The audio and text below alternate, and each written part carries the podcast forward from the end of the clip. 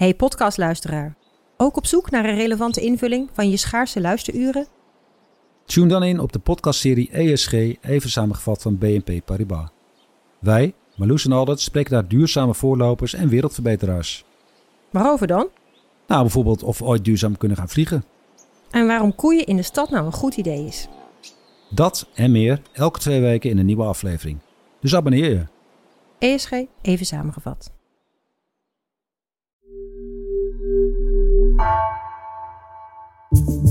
Vanaf de redactie van NRC het verhaal van vandaag.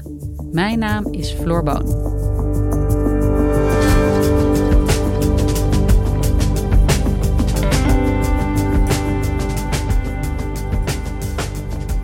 Sinds 2019 vergroot China zijn greep op Hongkong steeds verder. Vrijheden die de bevolking van het eiland jarenlang bezat, brokkelen verder af en mensen verlaten massaal het land. China-correspondent Gary van Pinksteren keerde vier jaar na haar laatste bezoek terug naar Hongkong en vertelt hoe de vrije stad die ze ooit kende nu voor goed lijkt te zijn veranderd.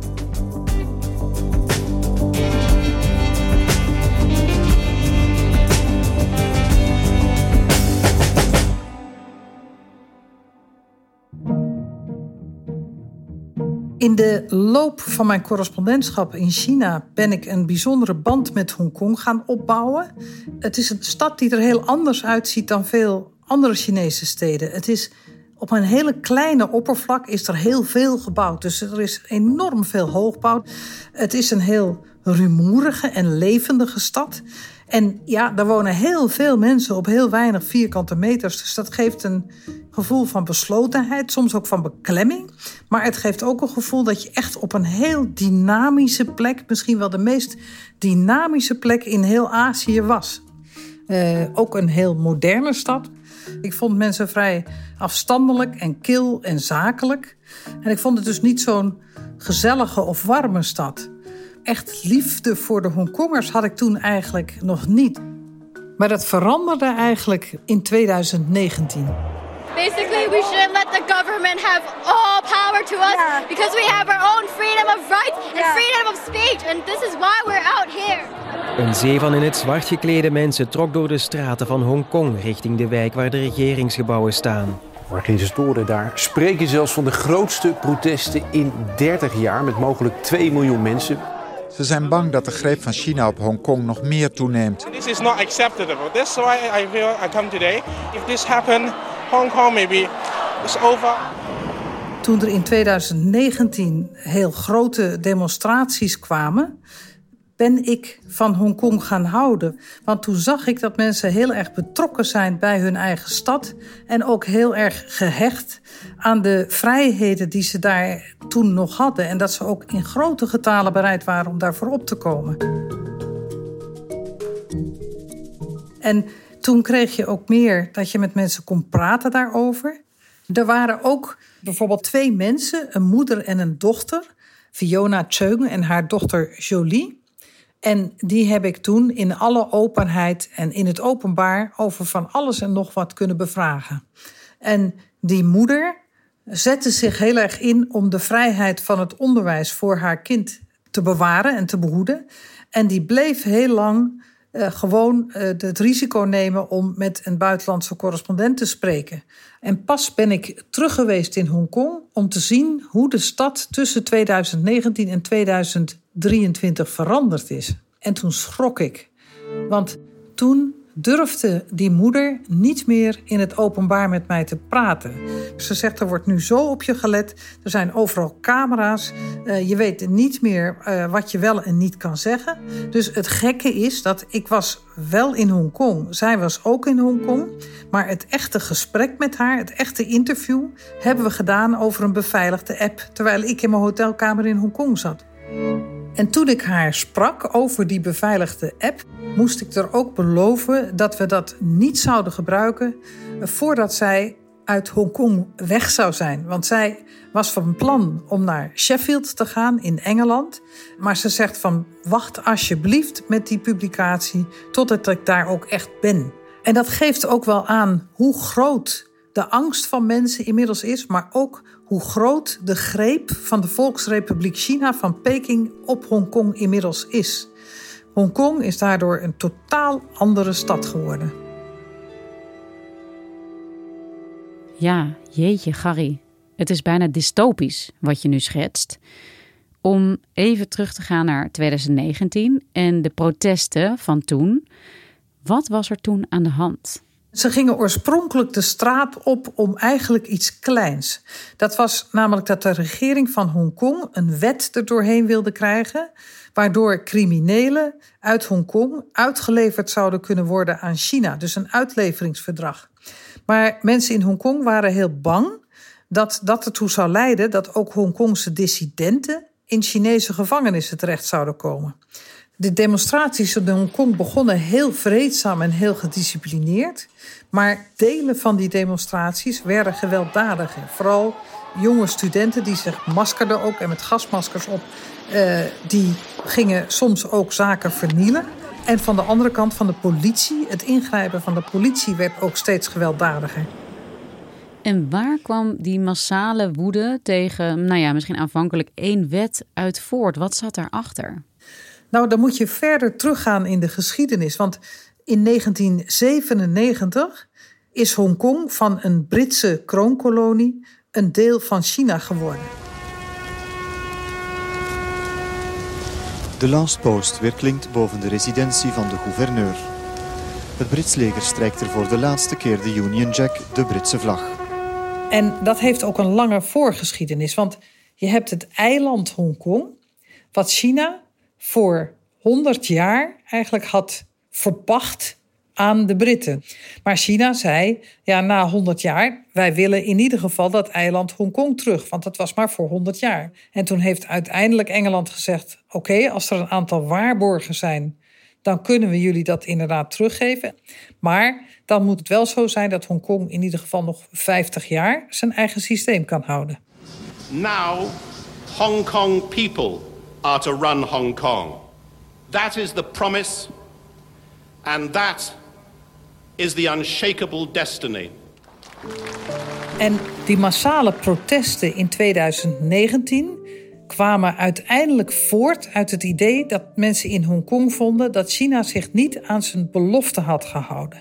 Want China had gezegd van nou, we gaan iets doen. Hebben we nog nooit eerder gedaan. Is een experiment. Maar we gaan doen één land, twee systemen. Nou, wat betekent dat? Jullie komen wel onder Chinese soevereiniteit. Maar voor defensie en buitenlands beleid, dat bepalen wij in China voor jullie. Maar de hele rest en jullie eigen economische systeem, dat mogen jullie allemaal zelf bepalen. Maar mensen hadden in de loop der tijd steeds meer het idee gekregen dat daar steeds minder van overbleef. Dat heeft eigenlijk tot een uitbarsting geleid. Eerst in 2014, maar zeker ook in 2019. Mensen accepteerden dat niet meer en mensen gingen massaal de straat op. En hoe heeft de verhouding tussen Hongkong en China zich ontwikkeld sinds jij de stad voor het laatst bezocht? Hongkong werd eigenlijk na 2019 een zwart gat. Niemand kon daar in en uit, want er was corona. Maar er kwamen wel heel verontrustende berichten uit Hongkong. Zo was er vooral het nieuws in juni 2020, waarvan de mensen in Hongkong zeggen: dit is echt het definitieve einde van één land, twee systemen en van Hongkong dat zichzelf mag regeren.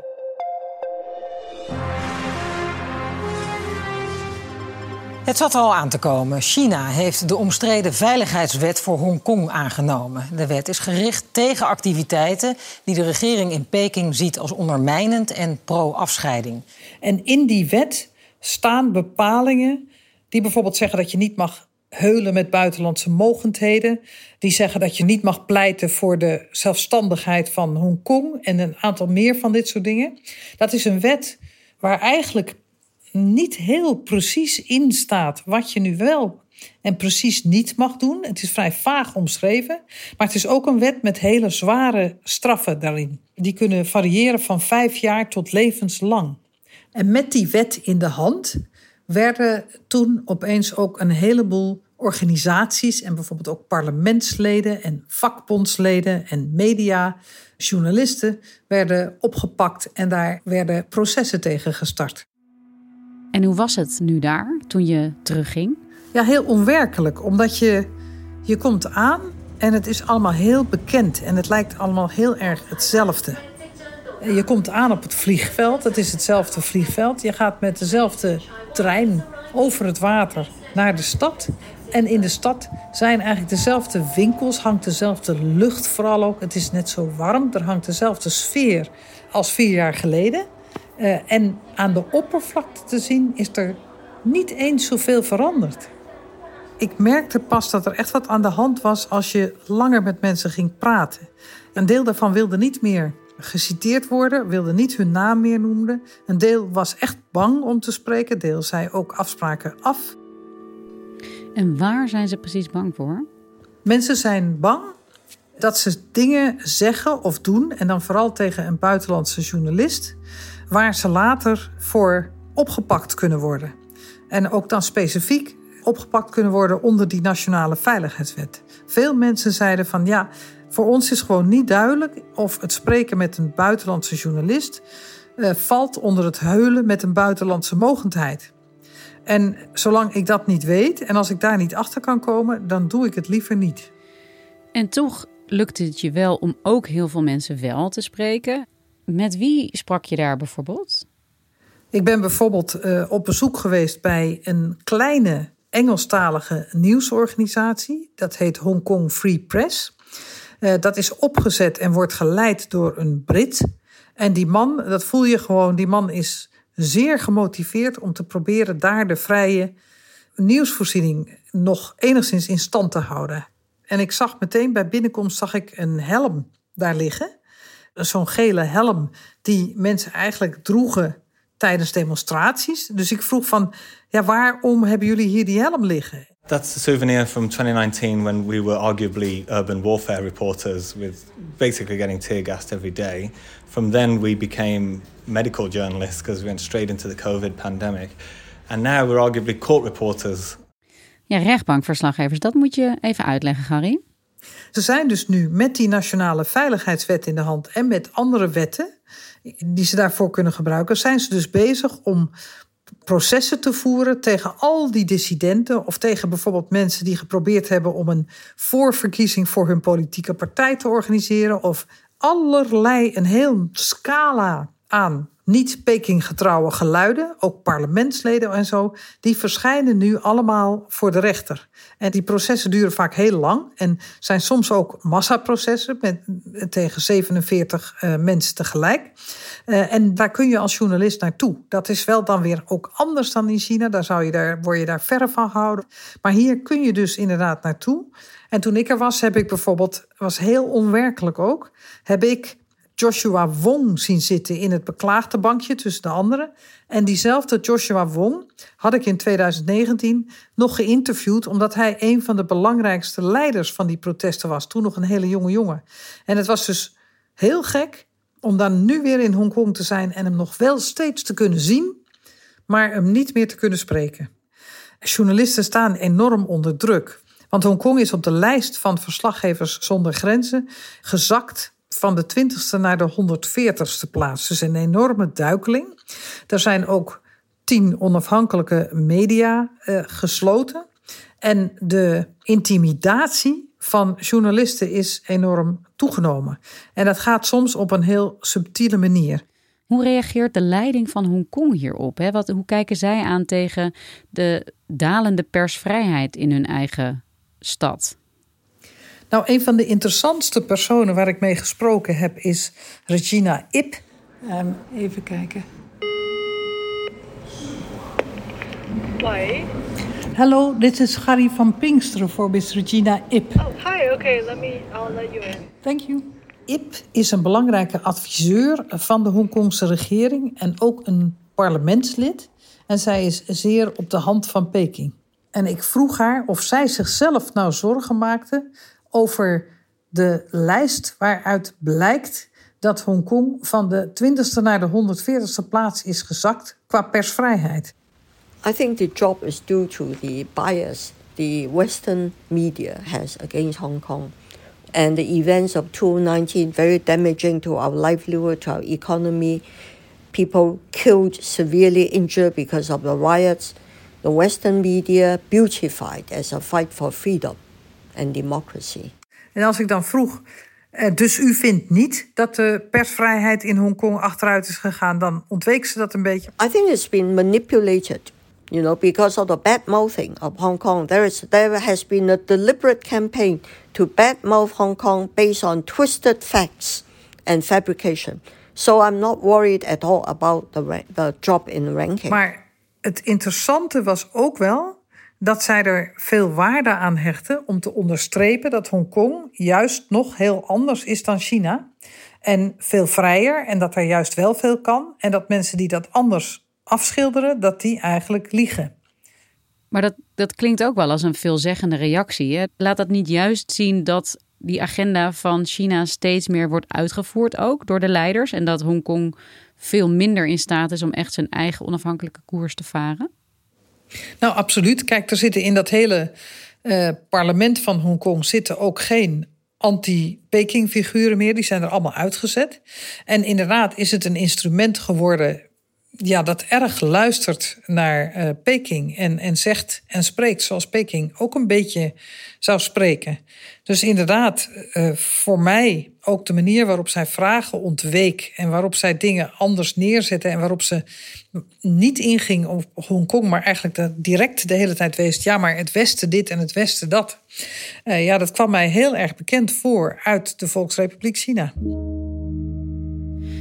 En Gary, waarom kiest China ervoor dit te doen? En ook vooral nu, hè? zo ver voor het eigenlijk aflopen van die beloofde 50 jaar zelfstandigheid.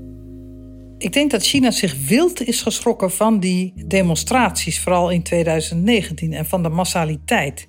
En dat zij gedacht hebben, op deze manier vervalt Hongkong in, in absolute chaos. Uh, en in een soort oncontroleerbaar gebied. En dat is nog niet het ergste. Maar als deze demonstraties en dit gevoel overslaan vanuit Hongkong naar de rest van China, dan hebben we een bedreiging voor het voortbestaan van de communistische partij in China. En toch kiest China ervoor om op dit moment Hongkong nog niet helemaal in zijn greep te houden. Het is nog niet hetzelfde als in China. Waarom niet? Ja, ik denk dat er twee redenen zijn waarom China uh, nog niet alles helemaal onder controle houdt. Uh, het eerste is omdat ze het heel geleidelijk willen doen, want dan heb je eigenlijk met die kleine stapjes krijg je het minste kans op weerstand. En het andere is denk ik dat ze nu ook nog bijvoorbeeld buitenlandse investeerders niet willen afschrikken.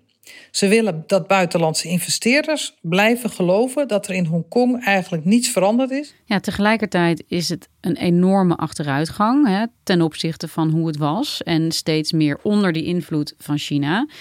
Hoe gaan al die democratisch gezinde Hongkongse burgers, die zo erg gedreven waren om die vrijheid uh, te bevechten en de straat op te gaan, hoe gaan zij daarmee om? Heel verschillend. Kijk, dat deel dat de kans heeft om weg te gaan uit Hongkong, uh, gaat ook weg.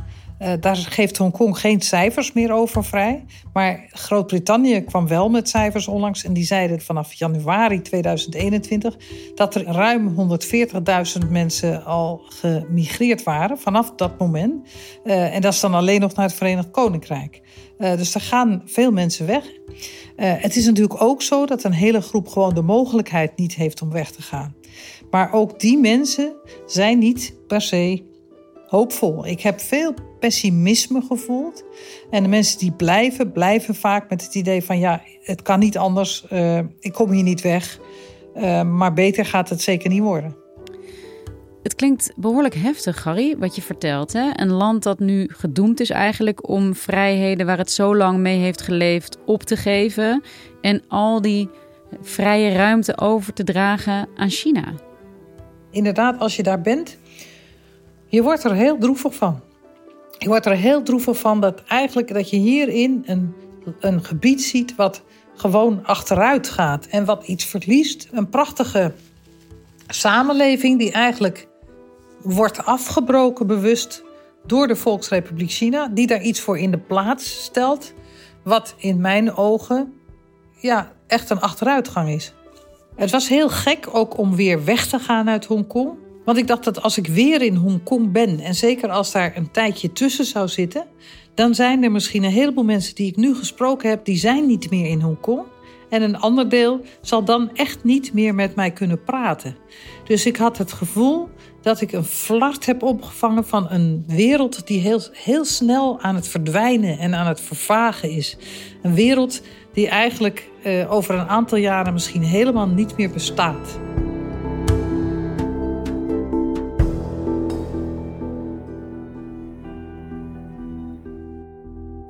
Dankjewel, Karin.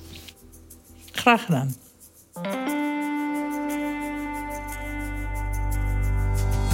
Je luisterde naar vandaag, een podcast van NRC.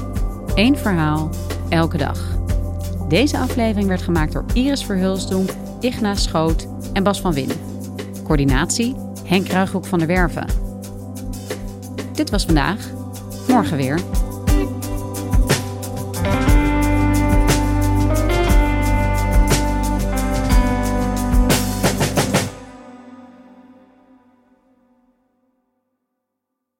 Technologie lijkt tegenwoordig het antwoord op iedere uitdaging. Bij PwC zien we dit anders. Als we de potentie van technologie willen benutten, kunnen we niet zonder een menselijk perspectief. Human-led, tech-powered noemen we dat. Ga naar pwc.nl.